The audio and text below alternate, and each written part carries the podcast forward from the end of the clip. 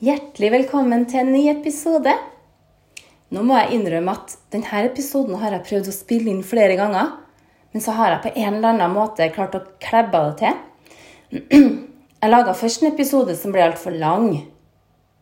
Og så tenkte jeg nei, det er jo nok med 22 minutter å høre på meg. Og jeg prøver å holde episodene til 22 minutter. Og etterpå nå så har jeg altså prøvd å spille inn flere ganger. Som oftest har jeg klebba det til i starten. Og det har ikke så mye å si. Men i stedet så spilte jeg inn en hel episode. Og så klebba jeg det til på slutten, så ble det bare blæ, blæ. og så holder den på å bli for lang, den òg. Så nå gjør jeg et forsøk til. Og jeg tenker at jeg kommer til å publisere den her nå uansett om jeg klebber det litt til. For hva er vel livet uten å gjøre litt feil? Jeg tenker at det blir ganske kjedelig hvis man ikke kan gjøre feil. En ting er at det skjer litt morsomme ting. Du kan få en artig historie. Og en feil kan også gjøre at du treffer noen som du egentlig ikke skulle treffe. Eller det kan gjøre at du får muligheten til å si unnskyld. Og muligheten til å si unnskyld det syns jeg er viktig. Min erfaring er at man kommer litt nærmere andre mennesker når man sier unnskyld.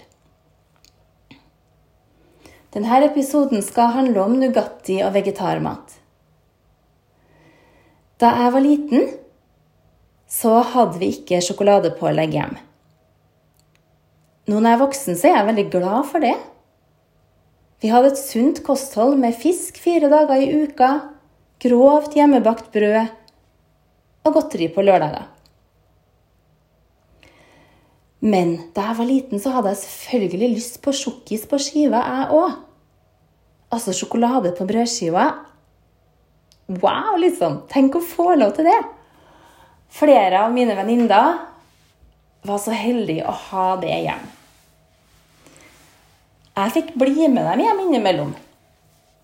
Og da var det viktig at Nugatti-boksen ikke var tom, altså, for da skulle vi jo spise litt. Men jeg fant også en annen måte å få tak i Nugatti på. Jeg deala matpakker. Har dere hørt om noen som har deala matpakker på skolen før? Det gjorde jeg. Jeg hadde med meg hjemmebakt brød. Nydelig grovt hjemmebakt brød med fløtemysost. Og jeg bytta det mot kneippbrød med Nugatti. Eller for så vidt hjemmebakt brød med Nugatti. Det spilte ikke noen rolle så lenge det var Nugatti på. Kunne sikkert ha spist barkebrød med Nugatti. Det funka så bra. Jeg hadde ikke bare én, men i hvert fall to stykker jeg pleide å bytte matpakke med. Så da fikk jeg min rasjon med Nugatti. Dette var faktisk på ungdomsskolen, jeg er ganske sikker på, altså. Jeg starta å jobbe tidlig. Jeg jobba i butikken som vi hadde, og tjente litt egne penger. Det gjorde jeg fra jeg var 15. Jeg brukte ikke all lønna mi på godteri. Det hadde tatt seg ut. Jeg sparte litt òg. kom jeg jo forresten på at det jeg sparte, tok jeg med meg på ferie. Og da ble det allikevel kjøpt en del godt godteri for det. Jeg må bare si det. Så det jeg gjorde noen ganger når jeg var skikkelig needy og ville ha Nugatti, så kjøpte jeg en boks på vei hjem fra skolen, og jeg gikk og spiste med fingeren. Det høres skikkelig disgusting ut, men jeg gjorde nå det. Ikke nok med det, jeg hadde jo lyst til å ha brødskive med Nugatti, for det var jo liksom det som var greia. Så jeg smugla med meg en Nugatti-boks hjem, hadde kjøpt den sjøl, og putta i skapet mitt på rommet mitt nede igjen. Det jeg gjorde også, da, var å smugle med meg brødskiver, og jeg hadde en smørkniv i det skapet, sånn at jeg kunne smøre meg noen skiver og sitte og momse i meg på rommet uten at noen merka det. Jeg pussa sikkert tenner etterpå for å, at det ikke skulle bli avslørt at jeg hadde spist Nugatti. Det burde jeg nok også ha gjort når jeg har holdt på å smugspist sjokolade og ikke gitt til barna. For selv om jeg spiser mye godteri, så har barna mine hatt strenge regler i forhold til søtsaker. De har ikke fri tilgang. Altså, meg har det nå gått en viss plass med fra før. Altså ikke noe å gjøre noe med. Det er lost case. Men barna mine skal ikke lide samme skjebne. Når det er sagt, så føler jeg at jeg har ikke lidd noe mye av det. Det er jo flere som har påpekt vet Marianne, du kommer til å få diabetes nå hvis du Du kan jo ikke spise så mye godteri. Men jeg har faktisk hørt at nyere forskning sier at man får ikke diabetes av å spise sukker. Yay! tenkte jeg da. Så man klarer alltid også å finne en måte å få tak i det man vil på. Jeg liker også å gjøre flere ting av gangen, og gjerne flere ting jeg liker. F.eks. kaffe og yoga. Yoga og godteri. Yoga, kaffe og godteri. Jeg har stått i en opp-ned-posisjon og spist after eight. Det er nesten på grensa til å bli litt flaut å si, men det har jeg gjort. Jeg tenkte jo da jeg sto der at herregud, det her er ikke normalt.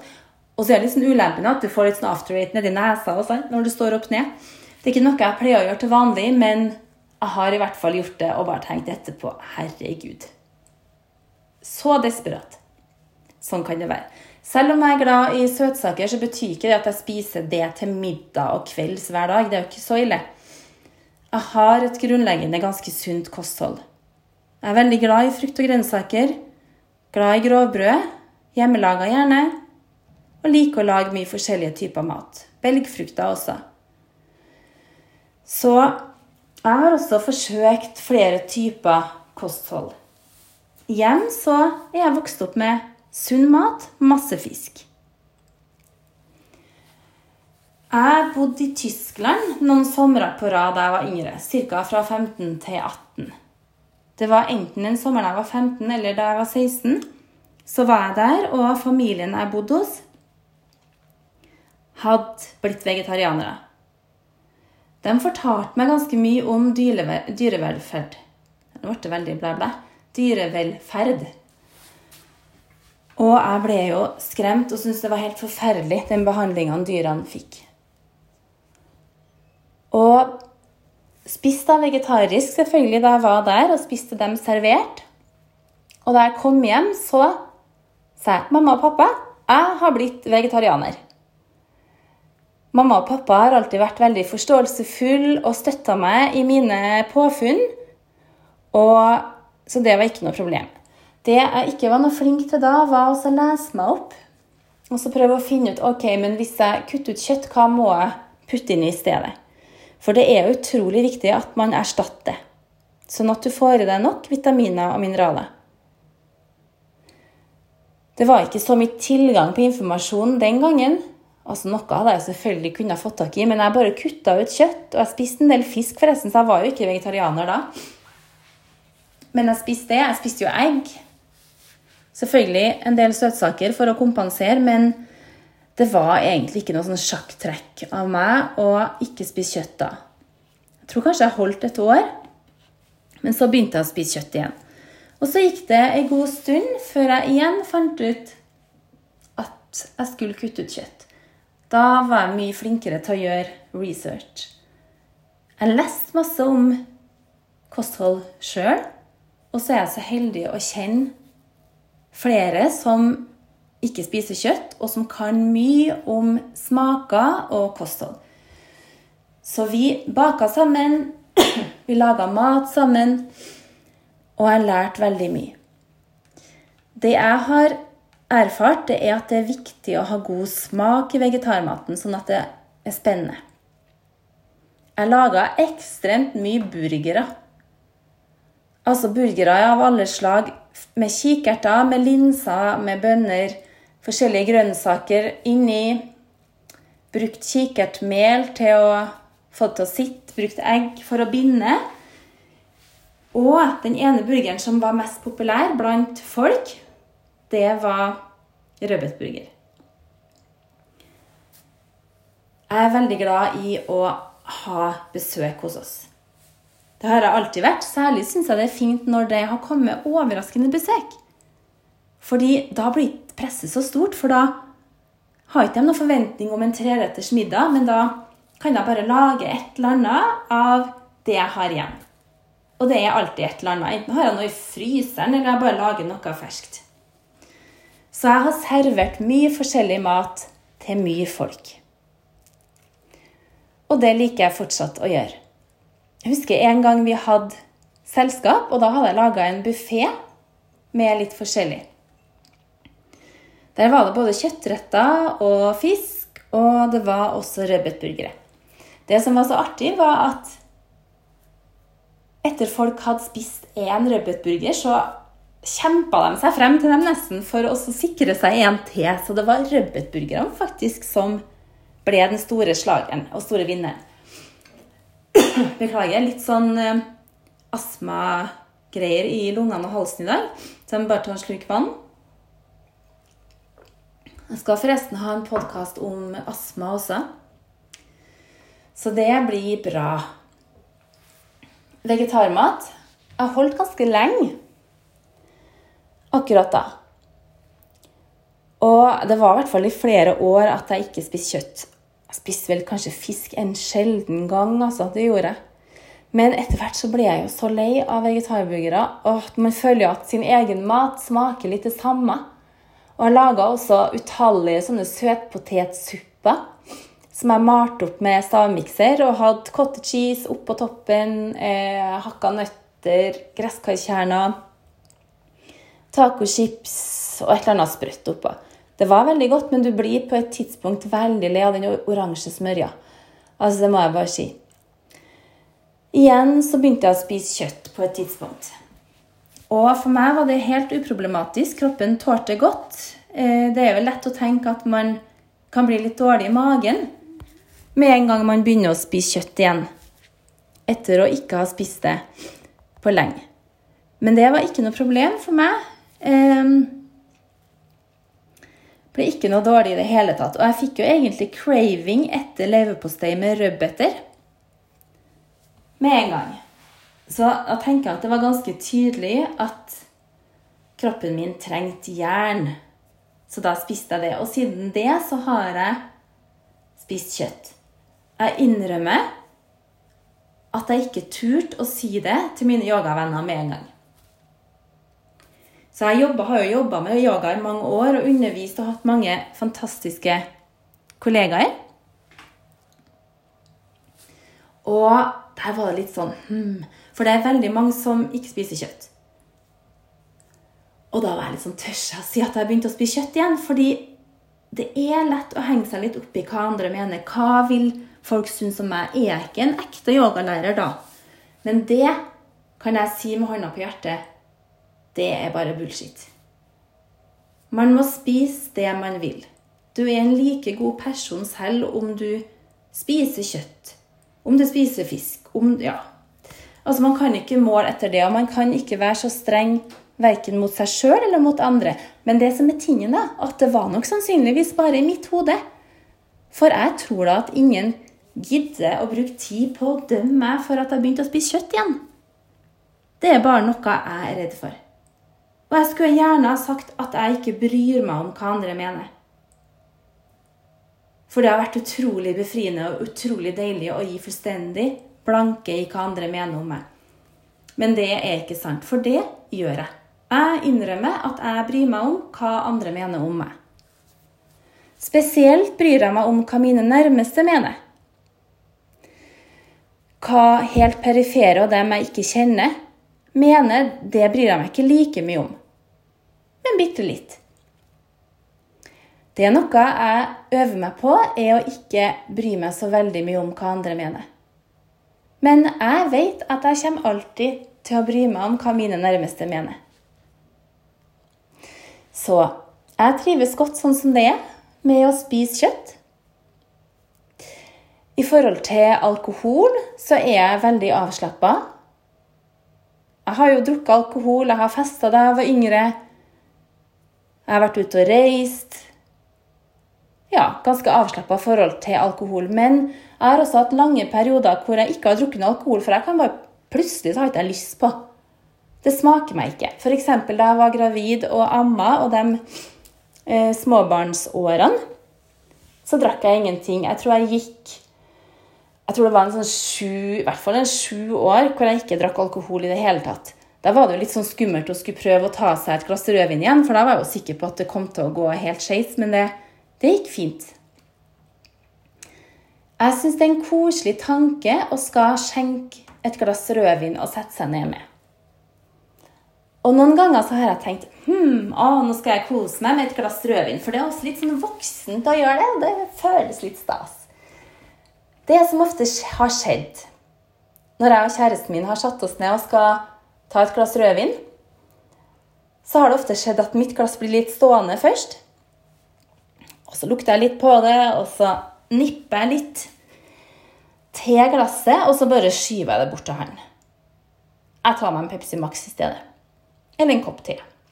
Eller en kopp kaffe. Det skjer veldig ofte. Så jeg har nå funnet ut at jeg må jo ikke drikke alkohol heller. Det kan jeg jo bare bestemme sjøl. Og jeg har ikke noe problem med at andre drikker alkohol sammen med meg. Det er hvor folk skal kose. Men nå så har det jo vært sånn Altså, i år så har jeg ikke drukket alkohol i det hele tatt. Og det er ikke sånn fordi jeg syns det er galt, men jeg har bare ikke lyst, da. Og da tenker jeg at det ikke er nødvendig. Og så er kroppen min litt sånn rar. For jeg kan bli skikkelig dårlig av ett glass vin. Jeg kan gå og kaste opp av et glass vin. Og da blir det liksom ikke samme stasen. Så jeg tror at noen ganger så forteller kroppen din deg hva du trenger akkurat nå. Det er jo sånn som jeg snakka om i forhold til følelser. Det er altså å lytte til kroppen og lytte til hva du trenger akkurat nå. Ta gjerne noen dype pust. Slapp av i skuldrene. Og hvis du er sånn som meg, at du holder på med andre ting mens du hører på podkast, det tenker jeg, det er bare koselig. Jeg hører ofte på podkast når jeg går tur. Og også når jeg rydder. Jeg har til og med hørt en del på podkast når jeg gjør yoga. Jeg lar meg virkelig inspirere av podkastverdenen. Det må jeg jo si. Og som jeg også har nevnt før, så har jeg tenkt lenge på å lage podkast. Nå kjenner jeg vel sånn litt på presset. Kan jeg plutselig ikke ha noe mer å snakke om? ja ja, da blir det noe med de episodene, da. Men det skjer jo nye ting i livet, og jeg merker jo iblant når jeg setter i gang og prater, så kan til og med podkasten også bli for lang. Så noen temaer vil jeg også komme til å dele opp i to. Apropos mat, så må jeg jo også trekke inn faste. Fordi det har også vært en del av livet mitt. Jeg har jo lest masse yogalitteratur, og faste er også anbefalt innimellom. Jeg sier ikke at det er rett for alle, men for meg så kan jeg av og til la morgenen min være fastende.